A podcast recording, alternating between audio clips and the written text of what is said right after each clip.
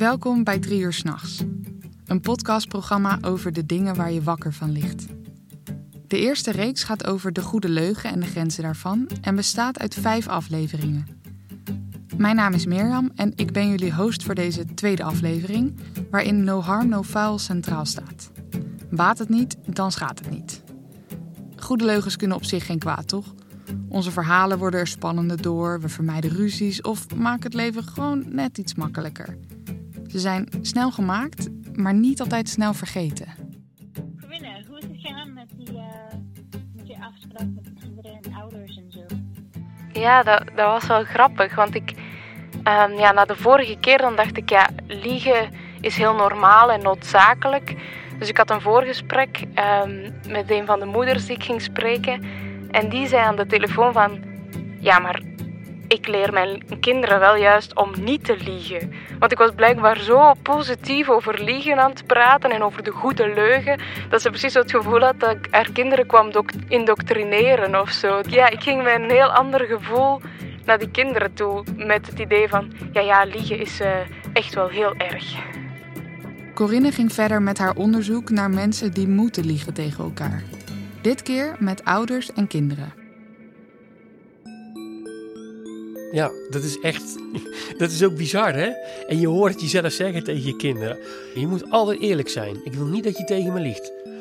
En ondertussen heb jij in je achterhoofd een stemmetje van. Ik lieg voortdurend tegen jullie. Sinds het gesprek met Anneke in de vorige aflevering. Ik denk dat ik tegen mijn pubers nog veel meer lieg dan tegen ons mam. onderzoek ik deze keer het liegen tussen ouders Weet je, dat je zegt, ja, maar als we, als we nu niet gaan, dan zijn we echt zo laat dat je de klas dadelijk niet meer in mag of zo. En dan denk je dat dat niet zo erg is, omdat je dat vanuit moreel te verstedigen standpunt doet. Dan praat je het met jezelf goed mee. Maar de vraag is of het zo simpel is in de praktijk. En hun kinderen. Als je het eten niet zo lekker vindt, dan zeg je toch dat het lekker is. Dat ik zeg dat ik mijn kamer ga opruimen terwijl ik niet echt mijn kamer ga opruimen, dan wacht ik de hele tijd zo. Je hebt wel je handen gewassen en je zegt dat je niet je handen hebt gewassen, dan, uh, dan kan je je handen extra goed wassen. Ja, kinderen laten de toestand van de wereld altijd in hun antwoorden doorcijpelen. Ze hebben alles door. Of niet? Ik ging in gesprek met ouders en kinderen, waaronder Silas van 9 jaar en Alex van 5, de kinderen van Valerie en haar vrouw. Als je uh, goed liegt, dan maak je mensen niet veel verdrietig. En, uh, en als je het, als je het doet met anderen, dan uh, meer dat je moeder of vader niet boos wordt op je. Alex vindt dat je niet mag jokken. Want de meeste mensen vinden het fijn als je de waarheid vertelt. Ja, dan vinden de meeste mensen gewoon het fijner. En als je dat ook niet doet, dan kan je heel veel vrienden kwijtraken. Omdat dan dan ben je altijd aan het jokken tegen hun en dan vinden zij dan niet meer leuk. Wordt er wel eens tegen jou gelogen? Ik uh, weet eigenlijk niet of iemand ooit tegen me heeft gelogen, maar misschien wel. Denk je dat dat ooit uh, mm. dat ouders dat doen tegenover hun kinderen? Misschien. En waarom zouden ze dat dan doen? Uh, omdat misschien is het nog een beetje eng. Dingen die misschien wat meer voor grotere mensen zijn van, van 12 of zo.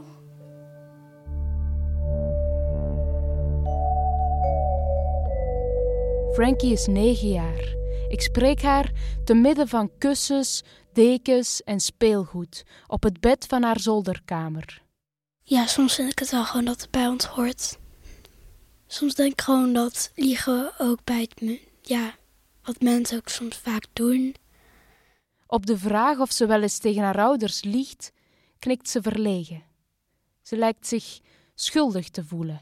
Ja, dan wil je liever gewoon alles eerlijk vertellen, maar dan ben je te bang als ze boos worden. Ja, en, en, en waarom krijg je er zo'n schuldgevoel van? Omdat ik voel dat, dat, het niet, ja, dat het niet goed is en dat ik gewoon dat ik het niet moet doen. Zeggen, um, Frankie, ze zeggen altijd dat eerlijk zijn, dat dat heel belangrijk is. Hè? Maar, maar waarom zou ze dat nu eigenlijk zeggen? Uh, want ze willen misschien, dat weet ik helemaal niet, maar misschien dat ze dan willen dat bijvoorbeeld de meisje, de, meisje of de jongen uh, goed opgevoed is of zo. En dat, dat ze dan niet op school zo worden gepest. Dat, is, dat, dat, ze, dat nieuw naam is de leugenaar of zo. Wie denk je dat het meeste liegen? Volwassenen of kinderen? Het is altijd twee. Ja, ja, soms denk ik dat kinderen meer liegen over dat onderwerp of grote mensen over dat onderwerp. Ja, mijn ouders zijn gescheiden. Dat ik dan dat ik er pas later kwam toen mijn moeder ging verhuizen. Um, toen kwam ik er echt pas achter. Want we gingen eerst allemaal naar hotels en hotels en dan ja, maar het bleven. En toen gingen we bij vrienden slapen en zo. Soms zeggen ze ook van uh, dat, dat, kinderen een beetje beschermd worden, omdat de buitenwereld soms, ja, er zijn oorlogen, er is van alles. Zou daar ook over gelogen worden tegen kinderen, denk je? Denk ik wel. Vooral in de arme landen en waar oorlog allemaal is. Ja, ja, ja. En wat zouden ze dan doen? Of juist niet doen? Bijvoorbeeld zeggen dat, dat ze veilig zijn. En terwijl ze eigenlijk niet echt veilig zijn. En dan, dan heeft het kind niet, niet echt zo'n spannend gevoel. En dan heel bang. Er zijn natuurlijk collectieve leugens of verhalen die we tegen kinderen, jonger dan Frankie, vertellen. Hopelijk uh, luisteren kleine kinderen er niet naar. Maar uh, ik denk wel dat Sinterklaas, dat ze dan gewoon leugentjes, omdat het kind echt in geloven. Hoe, hoe, heb je, hoe heb je dat ervaren, dat er zo was gelogen lange tijd? Nou, ik vond het niet echt erg, want ik kreeg nog steeds cadeautjes, dus...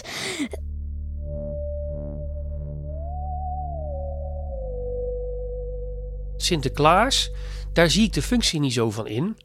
Dat die, ik heb echt geloofd dat hij je in een zak kon stoppen en mee naar Spanje kon nemen. En ik denk, wat is dat voor een ziekelijke leugen om aan kinderen te vertellen? En die zet je dan vooral in de rest van het jaar om het kind te laten doen wat jij wil.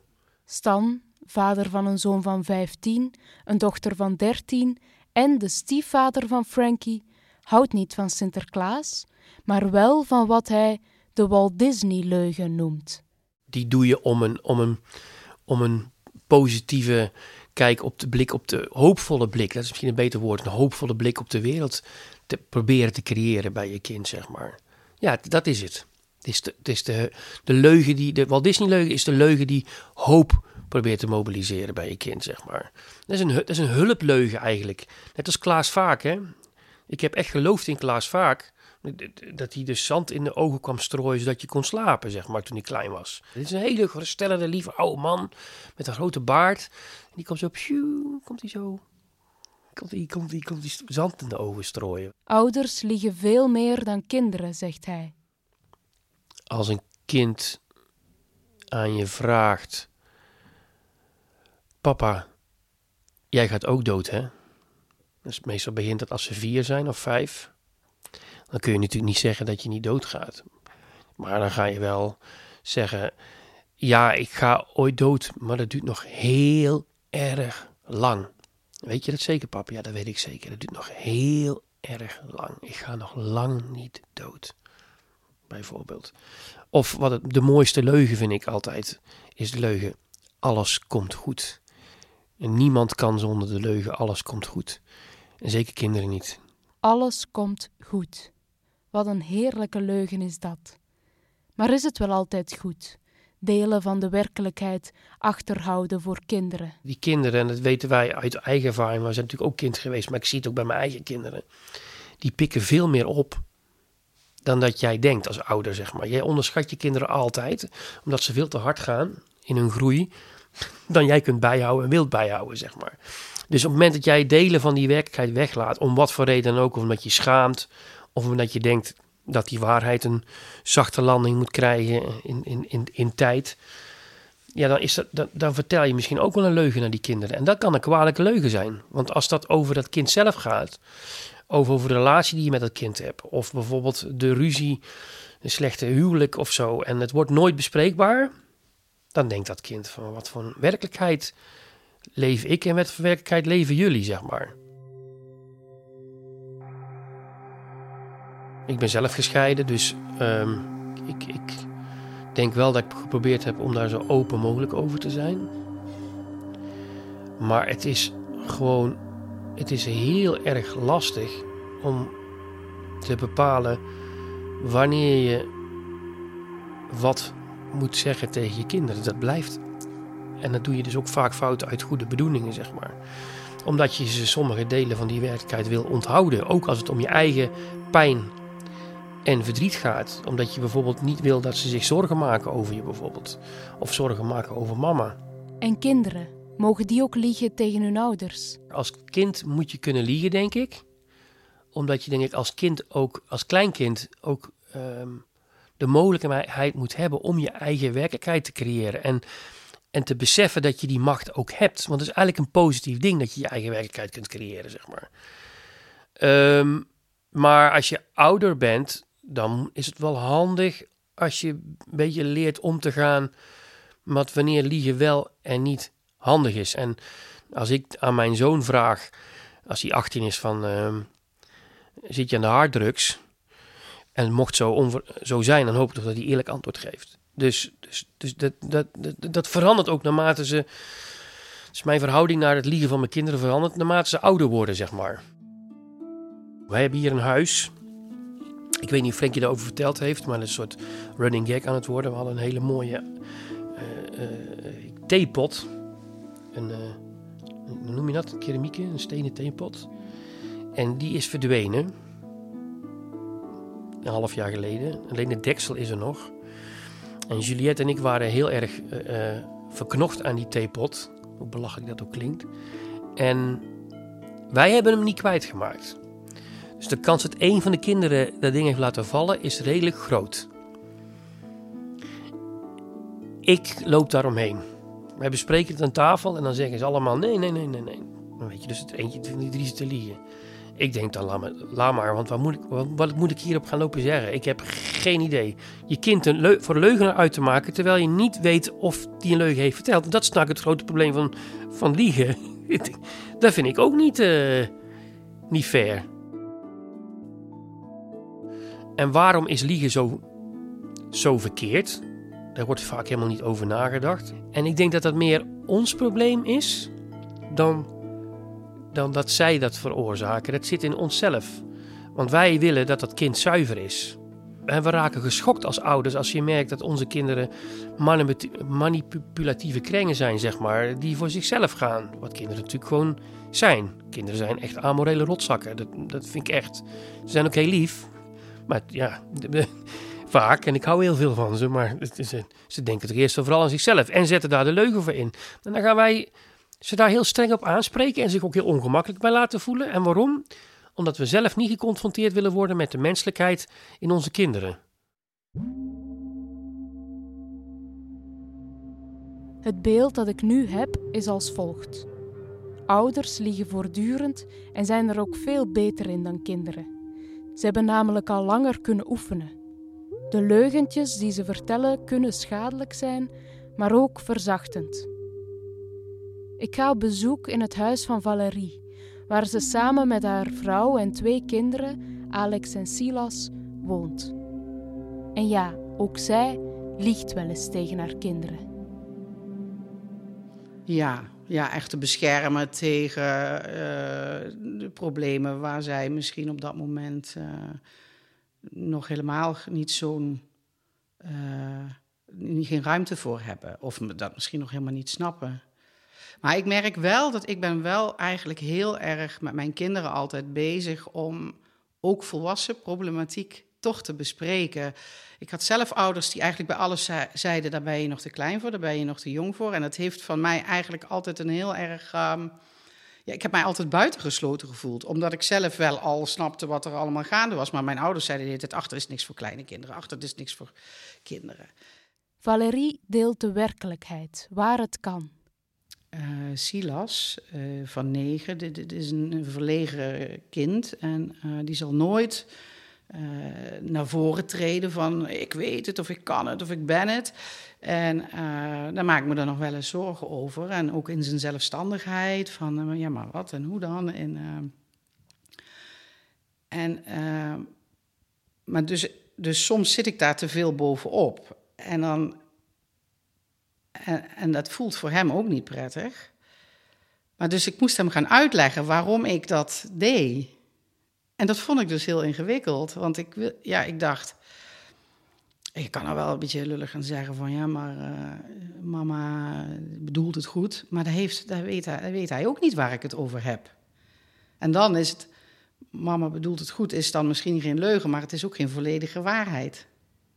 En uh, dus toen heb ik tegen hem gezegd: Ik zeg, ik doe dat omdat ik als mama van jou een verantwoordelijk, zelfstandig mens uh, probeer of eigenlijk moet maken. Want het kan wel eens zijn dat ik er misschien straks niet meer ben.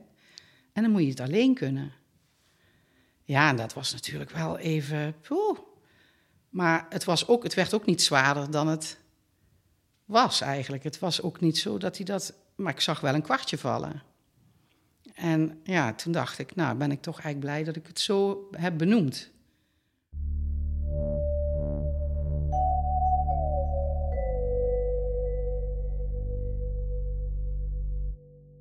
Dat is trouwens ook, bedacht ik me net, dat um, Silas en Alex zijn natuurlijk van een donor, hè? Want die... En dat is, daar hebben, we heel vaak uh, vragen over gehad van hebben jullie dat eerlijk verteld? En, uh, maar dat is echt, dat is nog nooit in ons opgekomen om daar niet eerlijk over te vertellen. Gewoon, uh, dat, is, dat is gewoon een feit. Ik knik. Ik ben zelf een donorkind en heel blij dat ik het altijd geweten heb. Mijn alleenstaande moeder vertelde het al boven mijn wieg. Maar veel ouders verzwijgen het en komen pas met de waarheid als de kinderen ouder zijn. Ik heb nooit begrepen waarom je dat zou doen. Nou, ik denk als ik het zo. Ik, ik, er zijn dus ook mensen die mij wel eens hebben gevraagd van, maar ja, kun je mij eens adviseren hoe we dat dan kunnen zeggen of uh, uh, hoe zouden we dat kunnen doen? En ik dacht echt, uh, ja, gewoon zeggen. En toen dacht, toen dacht ik, ja, hoe moeten we dat zeggen? Toen dacht ik, oh ja, ze weten, ze denken dat een kind dat allemaal niet kan filteren. Terwijl ik denk dat een kind dat wel kan. Misschien is dat wel over het algemeen de reden waarom mensen tegen elkaar liegen. Omdat ze denken dat de ander de werkelijkheid niet kan filteren, niet op dat moment. Ik vertel Valerie over een week geleden. Ik was op mijn vrijwilligerswerk in mijn wijk, een opvang voor kinderen uit kwetsbare gezinnen. Een meisje vertelde dat ze in het weekend naar Amerika was geweest. Ik ging erin mee.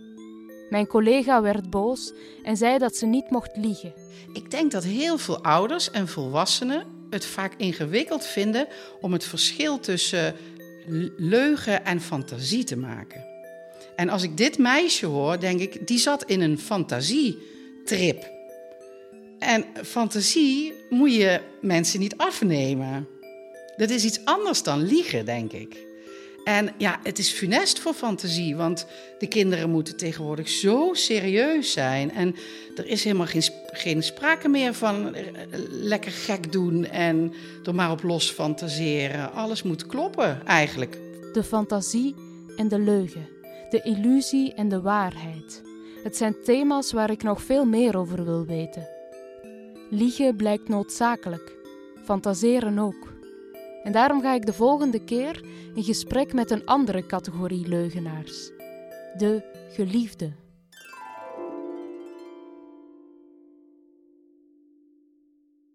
En Mirjam, hoe gaat het eigenlijk met jou uh, niet liegen?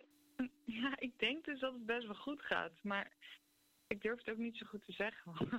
Want soms vraag ik me af of ik mezelf dan weer voor de gek hou. Of dat ik, dat ik het niet lieg, dat ik lieg en, en het niet door heb of zo. Want, maar het bewust van zijn, merk ik, doet echt, echt al fucking veel. Dat je, dat je gewoon de hele tijd ermee bezig bent.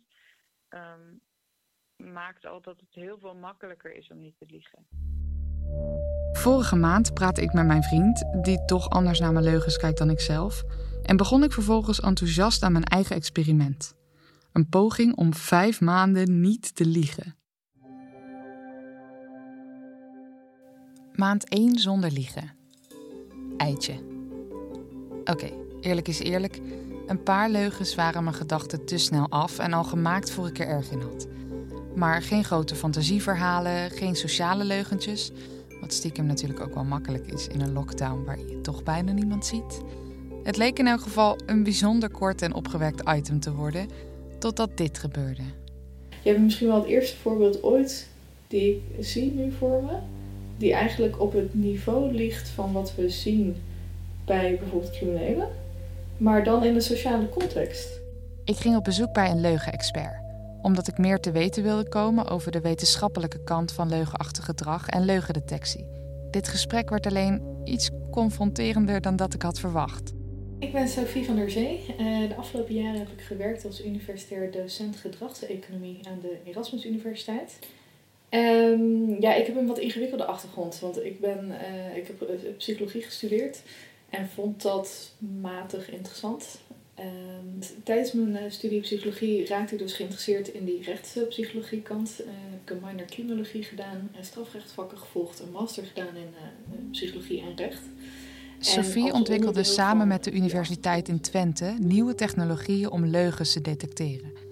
Door metingen te doen met een motion capture suit, zo'n pak met allemaal sensoren die ze ook in Hollywood gebruiken voor animatiefilms. En hiermee kunnen ze alle kleinste bewegingen bij mensen meten en tot in detail uitzoeken wat voor bewegingen samengaan met liegen. Hiermee kunnen ze tot 82% nauwkeurig leugens ontdekken. Dat hebben we in heel veel experimenten gedaan. Uh, volgens mij een stuk of zeven uiteindelijk. Waar we naar allerlei verschillende dingen hebben gekeken. En uh, wat we eigenlijk vrij consequent vinden is dat de meeste mensen, ongeveer drie kwart, vier van de vijf, gaan over hun hele lichaam meer bewegen als ze liegen dan als ze de waarheid. Gelukkig heb ik zelf niet zo'n pak aan en kan ik ontspannen dit gesprek in. Sophie maakte in samenwerking met de BBC de documentaire A Week Without Lying, waar ze met deze technieken drie deelnemers volgen die een week moesten stoppen met liegen. Super interessant gezien ik heb besloten dit niet een week, maar vijf maanden te doen. Sophie lijkt me dus de beste persoon om me tips te geven. En waar ik vooral heel benieuwd naar ben, wat maakt iemand nou een goede of slechte leugenaar? Waarom doen we het? En wat doet liegen eigenlijk met onszelf? Nou dus een van de belangrijkste vragen is dan waarom verandert ons gedrag op het moment dat wij liegen? Nou, er zijn drie verklaringen voor. Eentje heeft te maken met emoties. Uh, de meeste mensen als ze liegen ervaren bepaalde emoties die ze minder ervaren als de waarheid stellen. Dan kun je denken aan schuldgevoel, stress, angst. Uh, maar ook op het moment dat je wat ho hoger scoort op bijvoorbeeld uh, psychopathie, kan dat ook hele positieve emoties zijn. Dat je het leuk vindt om te kijken of je ermee weg kan komen. Dat je het gevoel hebt dat je andere mensen een beetje aan het, ja, aan het foppen bent. En dat je dus eigenlijk ja, beter bent dan de ander. het tweede is cognitieve belasting. meestal is liegen wat moeilijker dan de waarheid vertellen. Je moet onthouden wat je tegen wie hebt gezegd. Je moet consequent zijn. Op het moment dat iemand iets vraagt waar je niet van tevoren over na had gedacht, dan moet je ter plekke antwoord kunnen geven. En dat ook onthouden, zodat je daar de volgende keer weer op terug kunt komen. Dus liegen kost eigenlijk meer energie dan de waarheid vertellen. Ja, ja en werk, heel specifiek werkgeheugen ook. Oké, top. Dat klinkt alsof mijn niet-liegen-experiment best nog wel eens goed voor me kan zijn. Niet liegen is meer werkgeheugen en meer energie. Awesome. Ik praat Sophie bij over mijn onderzoek en vertel een paar verhalen van vroeger waarbij ik mensen voor de gek heb gehouden, de leugens tegen de conducteurs en de barmannen en wat mijn vriend hier bijvoorbeeld van vond. En terwijl het opnameapparaat net uitvalt, vertelt Sophie dat ze dit behoorlijk fascinerend vindt.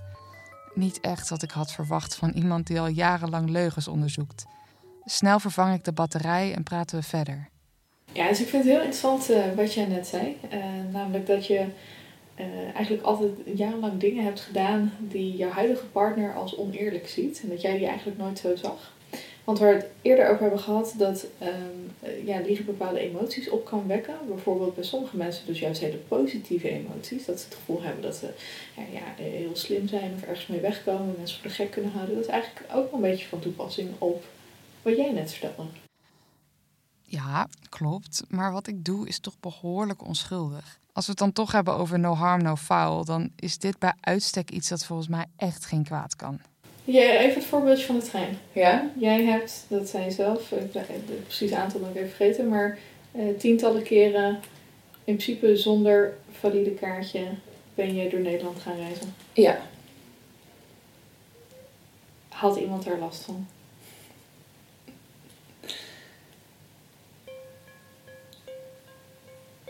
Had iemand er last van?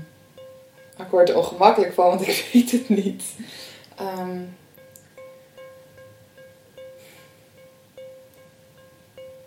Ik denk nog steeds niet echt. Wist jij dat ieder jaar voor onze Sinterklaas en kerstinkopen iedereen een aantal tientjes extra moet betalen voor zijn spullen? Omdat er zoveel gestolen wordt en dat die kosten doorberekend worden aan alle andere klanten. Nee. Als je dat betrekt op de treinkaartjes, dat betekent dat andere mensen bij meebetalen aan jouw reisgedrag. Zo had ik het nog niet bekeken. Maar dat is wel hoe het werkt. Ja. Ik begin me behoorlijk ongemakkelijk te voelen. Van praten over wetenschappelijk onderzoek voelt het nu ineens alsof ik bij de psycholoog ben beland. Wat ik in feite ook ben. Ik zou er graag tegen willen spreken, want ik denk oprecht dat ik zelf prima in staat ben om de grens van deze leugens te bewaken. Maar door de stelligheid van Sophie begin ik voor het allereerst aan mezelf te twijfelen. Wat jij zegt vind ik heel fascinerend. Dit is precies waarom ik hier onderzoek naar doe. Dat, dat noemen wij de fudge factor. Dat is mensen verschillen in hoe goed ze zijn in dingen soort van kneden en goed praten. En jij, van wat ik tot nu toe van je heb gehoord, bent heel erg goed in dingen voor jezelf recht praten, goed praten. Waarom het niet zo erg is, waarom het niet echt oneerlijk is, waarom het niet echt een leugentje is. En hoe goed we zijn in dat recht praten heeft invloed op hoe oneerlijk we eigenlijk zijn. En jij als creatief iemand met uh, acteerervaring uh, bent iemand die heel goed is in dat recht praten. Je bent goed in manipuleren. Je, het feit dat je kijkt naar de conducteur om te zien wat voor iemand is het, wat, wat gaat hier het beste werken. Dat betekent dat je een, een, soort geschoolde leugenaar bent.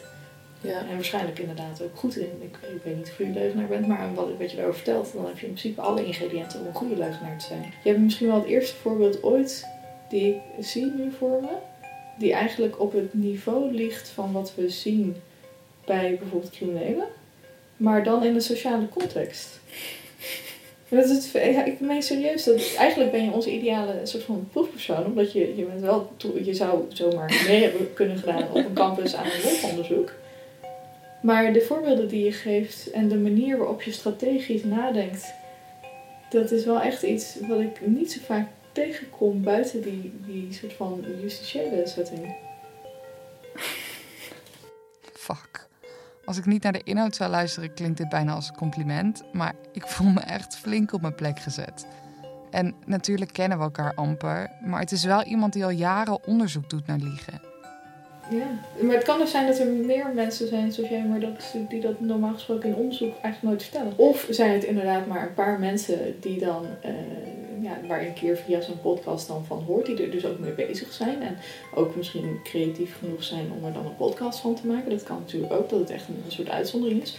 Daarom vind ik het leuk, het zo leuk. Ik hoop echt van harte dat zoveel mogelijk mensen dit, uh, hun, hun leugens in gaan sturen. Uh, om echt een beter beeld te krijgen van wat voor leugens vertellen we nou.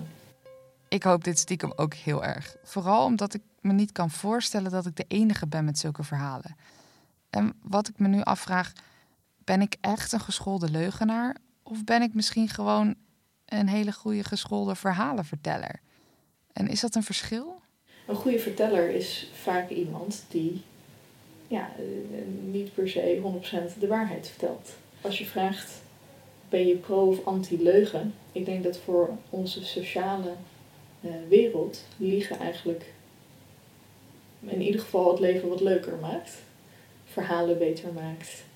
Uh, net een beetje show geeft of zo. Um, dat gezegd hebbende, denk ik dat liegen heel veel schade kan doen. En dat kan aan relaties zijn. Mensen vinden het vaak. Als ik dieper ga graven bij mezelf, is de schade van mijn eigen leugens misschien wel vooral iets wat weer bij mezelf terugkomt. Als puber en ook daarna nog wel, vond ik het altijd ongelooflijk frustrerend dat al mijn fantasieverhalen tegen vreemden zonder problemen werden geloofd, maar de echte verhalen van wat ik had meegemaakt en vertelde aan vrienden of familie heel vaak in twijfel werd getrokken. Ja, dit heeft iets te maken met eh, eh, je betrouwbaarheid. Ja. Dus eh, kennelijk was jij, ben jij, weet ik niet, maar in ieder geval was jij op dat moment niet een betrouwbaar persoon. Want in principe gaan de meeste mensen ervan uit, als je iets vertelt, dat het waar is. Dus op het moment dat jij dingen vertelt die waar zijn en mensen in jouw omgeving geloven je niet, dan zegt dat iets over de manier waarop mensen jou zien. Want dat is Ja. niet, niet standaard wat je nu vertelt. Het ging zelfs zo ver dat mijn moeder, die me in principe altijd gelooft, dacht dat ik een grapje maakte toen ik haar op mijn vijftiende vanaf de skatebaan belde om te zeggen dat mijn been was gebroken. Een half uurtje daarvoor had ze me haar mobieltje meegegeven, voor het geval ik mijn been zou breken. Dus dit zou wel weer een van mijn grapjes zijn. Ze hing de telefoon lachend op. Pas toen de ambulancebroeder terugbelde, wist ze dat het echt was. En hier bleef het niet bij. Steeds vaker had ik het gevoel dat mensen mijn verhalen niet geloofden. Mensen vinden het heel vervelend om, eh, om erachter te komen dat er tegen hun gelogen is. Want het kan echt negatieve effecten hebben op relaties. Niet Mhm. alleen op romantische relaties, maar ook tussen familieleden, vrienden. Eh, dus als ik jou was, zou ik misschien ook een keer serieus gaan praten met mensen tegen wie jij regelmatig hebt gelogen, waarvan je denkt, die weten dat ook van me. Om eens aan te vragen of zij helemaal eerlijk willen zijn over wat zij daar nou van vinden. Want jij denkt dat ze het niet zo erg vinden, maar misschien zijn ze daar niet eerlijk over geweest. Hey zusters, Ehm, ik heb een vraagje. Ik ben dus met de tweede aflevering van de podcast bezig. En ehm, ik heb eerst een rechtspsycholoog geïnterviewd. En die was ook heel benieuwd van hoe hebben mensen om je heen dat vroeger ervaren. Je grote verhalen en ook leugens die je vertelde waar ze van afwisten. En ehm, ik was eigenlijk wel heel benieuwd, maar het mag ook gewoon in een voice message als jullie het überhaupt willen, hoe jullie daarop terugkijken. Of jullie vroeger dachten dat ik loog, of dat jullie wel geloofden dat ik veel meemaakte. Ehm, dus ja, daar ben ik eigenlijk wel nieuwsgierig naar.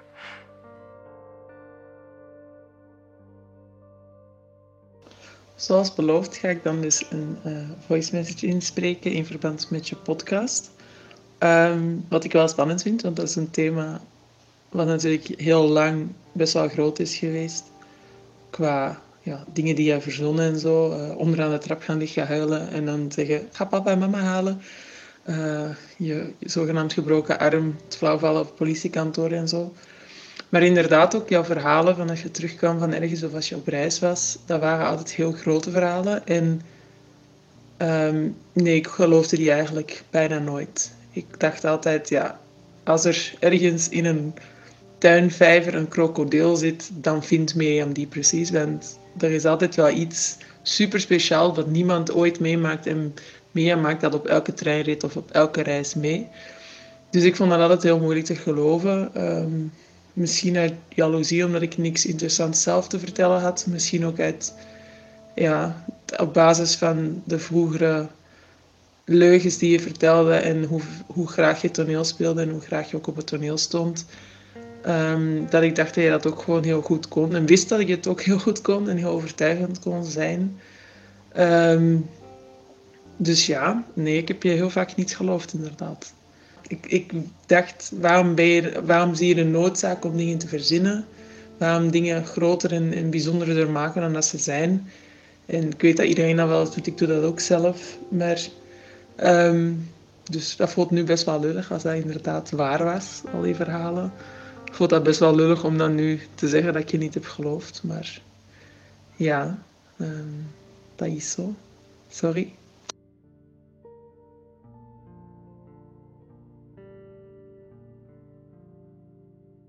Hi Mirjam. Ehm, bij deze een eh, voice message over de vraag die je stelde. Ehm, ja, jij kwam wel echt altijd met fantastische verhalen thuis. Maar het waren wel altijd hele leuke verhalen of gekke verhalen.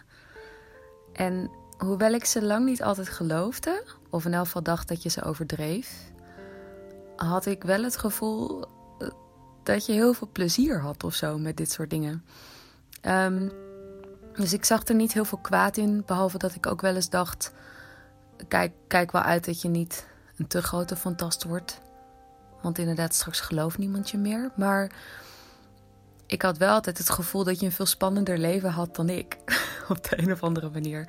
Um, uh, en, en ik geloof een groot deel ook wel, omdat ik uh, weet dat je een heel open persoon bent. Die ook gewoon gekke dingen aantrekt of zo. Um, dat straal je uit. En ik weet ook wel dat als we samen wel eens op pad waren of zo, dat er dan ook altijd, nou niet altijd, maar dat er ook wel eens gekke dingen gebeurden. Dus um, ja, ik weet niet of ik het een probleem vond. Ik weet wel, Marleen en ik hebben het er volgens mij wel eens over gehad. Nou ja, dat, dat we ook wel dachten, kijk, kijk er, kijk er een klein beetje mee uit. Um, Maar ik vond het ook altijd wel heel erg leuk aan jou. Dat je altijd met gekke verhalen thuis kwam. En dat doe je nog steeds. Dus je trekt het aan, denk ik. Zelf heb ik hier wel een theorie over. Ik trek dit niet aan, maar ik heb vaak zin in avontuur waardoor al mijn zintuigen hier naar op zoek zijn. Ik zeg ja tegen vreemden, ik kies niet snel de veiligste weg. En als het er niet is, creëer ik het avontuur zelf. Geen magie, geen leugens, al zal ik de verhalen vast altijd iets magischer hebben gemaakt dan dat ze waren, maar niet dan hoe ik ze had beleefd. Maar er is een reden dat ik niet geloofd werd en die heb ik waarschijnlijk voor een groot deel aan mezelf te danken. In de volgende aflevering praat ik hierover met iemand die mij misschien wel het allerbeste en in elk geval het allerlangst kent: mijn moeder. Ondertussen ga ik onverstoord door met mijn experiment om niet te liegen en zal ik jullie de volgende keer iets uitgebreider updaten van hoe dat me afgaat.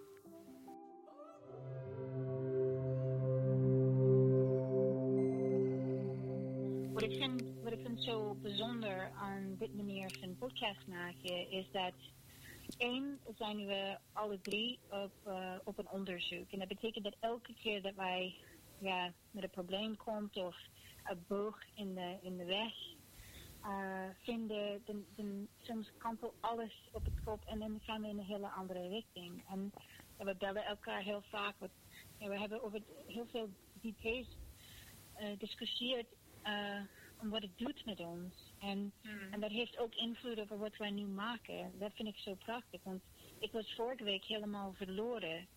En ik heb Miriam gebeld, en, want ik heb ontdekt eigenlijk dat misschien zijn al de leugens wat ik vertelde was eigenlijk waar zijn. En dan wat, wat dan? oh, oké. Okay. Einde podcast. Weet je, hm. maar het is ook dus heel erg met mijn perceptie van de werkelijkheid. En, en dat ik wel in deze manier van maken, maker zijn ja, een heel andere manier om dingen even uh, ja, op te bouwen en, en, en de verhaal uit te, uit te, zeg je dat, eerste, dat kun je niet zeggen toch? Net als er een oranje is. Ja, of een, of een, uh, of een moeder. Juliette heeft ons niet alleen aangestoken met dit onderwerp, we zitten er ondertussen tot onze schouders in. En voorbereiden op wat komen gaat is onmogelijk, omdat we zelf de uitkomst ook nog niet weten. Juliette graaft maar verder en verder om een poging te doen de waarheid en leugens over vroeger te ontrafelen.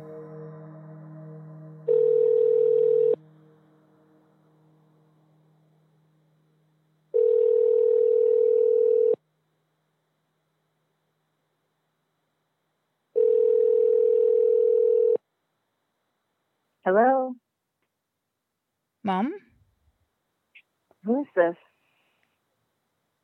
Is this is this Gladys Canyon? Yes.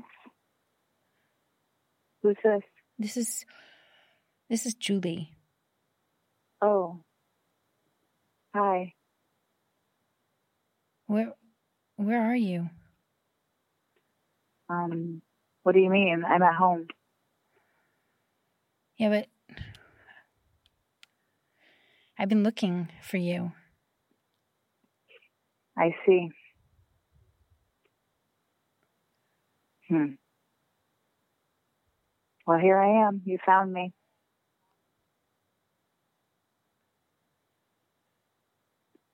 What what do you do? Where where have I found you? Where I live with some friends. How are you? I'm good. I have a I have a good life. I have a kid and um, a really awesome husband. I have a good life. That's good, Julie. That's really good.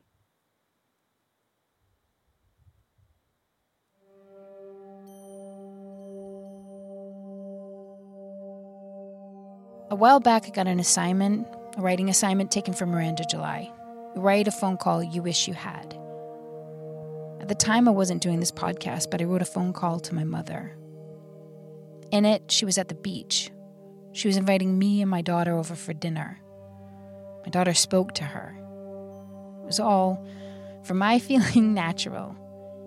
And it was nice to have this idealized, normal chat with her. And since I've never had a phone call with a mom, for me, it felt super realistic. When I was working on this podcast, I was thinking to myself, what would happen if I let other people read this with me? What if we make the call real? So I asked my dear friend Sarah to play my mom. The first time we read it, the scripted bit was super weird. It just felt forced. Then we read one where where she's at Hannaford Brothers doing the groceries and asks me if she's going to pick something up on the way home. That also didn't feel right. And then we dropped the script. And the last one that you just heard, that was what happened. It was awkward. I had no idea what to say to her. And to be honest, it was painful, but it felt real. Like this was a real outcome. I didn't expect to want something. It was just a little test, and it hurt.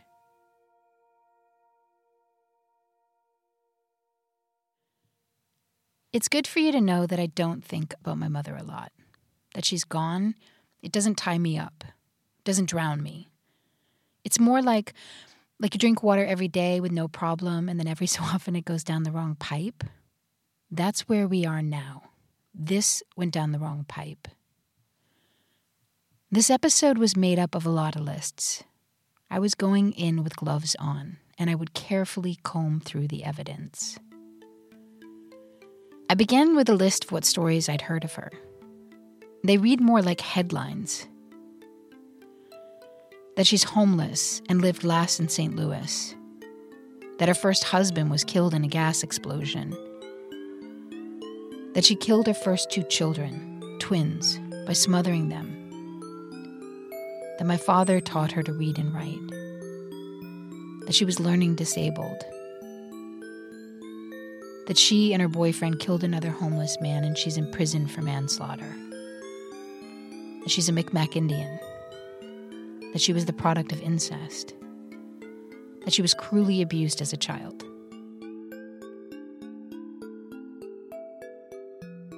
I needed to find people who might still be alive, but first I had to figure out who was dead or was a dead end. Ida Lou Blake, dead. Joan Smart, dead. Ruth Gove, dead. Linda Ash, dead end. Rudy Gove, dead end. Mrs. Tierney, dead end. Cora Gagnon, dead. I made lists of the living, I gathered phone numbers. I called jails, prisons, homeless shelters, charities that register the homeless. I ordered two DNA kits. I made profiles. I filled everything in I know. After the tone. Due to the COVID 19 virus, there is no social visiting at the jail. I called and wrote a letter requesting my files from the DHHS, Department of Health and Human Services. With each person, for each of the jails, prisons, offices, etc., I held my breath during these calls because it felt like something would be revealed. And in each call, a dead end. If this is an emergency, hang up and dial 911. You have reached the St. Louis City Justice Center. Please stop and listen as our menu options have changed. If you know your party's extension, you may dial it at any time during this message. Then I looked to see where I had lied. Where the stories others had told had become these like bombastic headlines, I had crafted them into a sort of repertoire. I spoke sparingly about her, but when I did, I offered these between the headlines, these lines to give her a form, placing her not as the villain, but as the vilified, with just enough reasons not to return. The thing is, these headlines built up to the biggest lie I ever told that if I found her, I'd be obligated to take care of her. I think this lie was built for me by my father, but it's something that I picked up with two hands. It gave me a lifelong reason not to find her. And in a way, I executed an injustice, and I lied to myself about it. Maybe.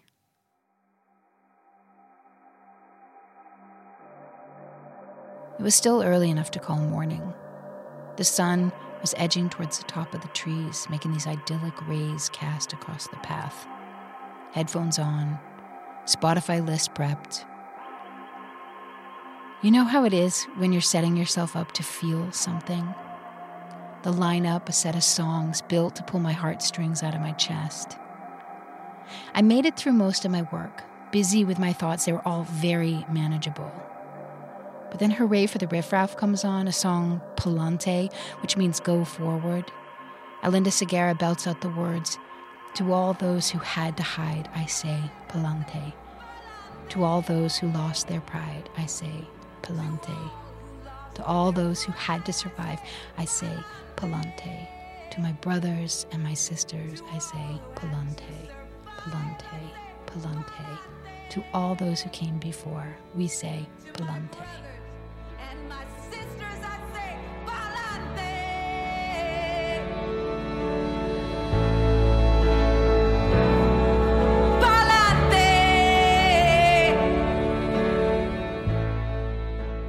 I stand there in the woods and I'm crying that sort of spilling cry, the no control seeping out, and even if you try to push all the water back into your face, it overwhelms. And I remember what it was like, what it felt like to be held by her, like, like as a baby, her face just above mine, just for a quick second. And then I thought, fuck, this is true. That did happen. I could feel it. I missed it. And I fear that my mother is also a dead end. I'm a well adjusted adult for the most part. And all those baby books I read when I had Frankie said for that to happen, I needed her to do that. She must have. I'm here in the middle of the woods. A dog standing in front of me, his head tilted to the side. I wipe my nose on my sleeve and I just walk further.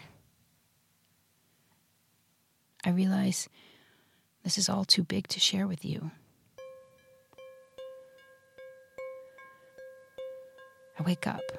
3 a.m., no fucking joke. I wake up and I think, I'm going to deconstruct a lie and replace it with another. I wake up 3 a.m. and I think, wait, what is this that we tell ourselves that truth revolves around evidence, that they're witnesses, judges, knower of things we ourselves do not own? I wake up and I think that it's magic and liberating time to live in because the binary is being turned on its fucking head. The idea that we are not this or that, and that we all live in a spectral experience of the realities around us that this ultimately means that our identities are things we experience. This experience is evidence. That it points to the truth is fluid. And this makes the whole fucking world start in on itself. And in turn, my mother drifts further away. I wake up 3 a.m. and I think my mother never existed. She's a figment of my imagination because I have no thread to her. I emailed my dear friend Chris Hubbles Gray. He's this writer, teacher, brilliant fucking heart.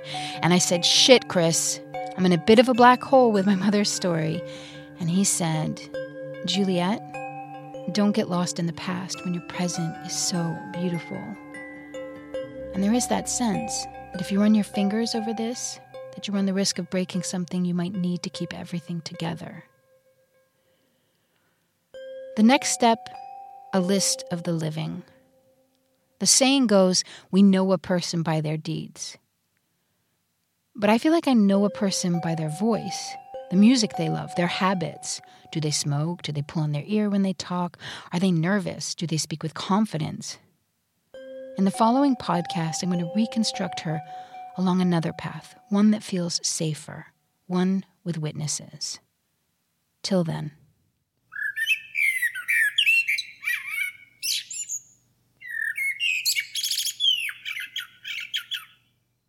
De zoektocht gaat door. Al lijken we met de afleveringen niet echt dichter bij een waarheid te komen. Het is als een foto met miljarden pixels waarop je kan blijven inzoomen. Toch hervatten we de poging om meer grip te krijgen op de goede leugens. En misschien houdt het ons ooit niet meer wakker. Het leugenloket. Voor deze podcast verzamelen we leugens. Help ons door een leugentje in te sturen naar het leugenloket. Bel, app of spreek een voice message in op het nummer 06 82 38 8335. De inzendingen worden bestudeerd door Sophie van der Zee.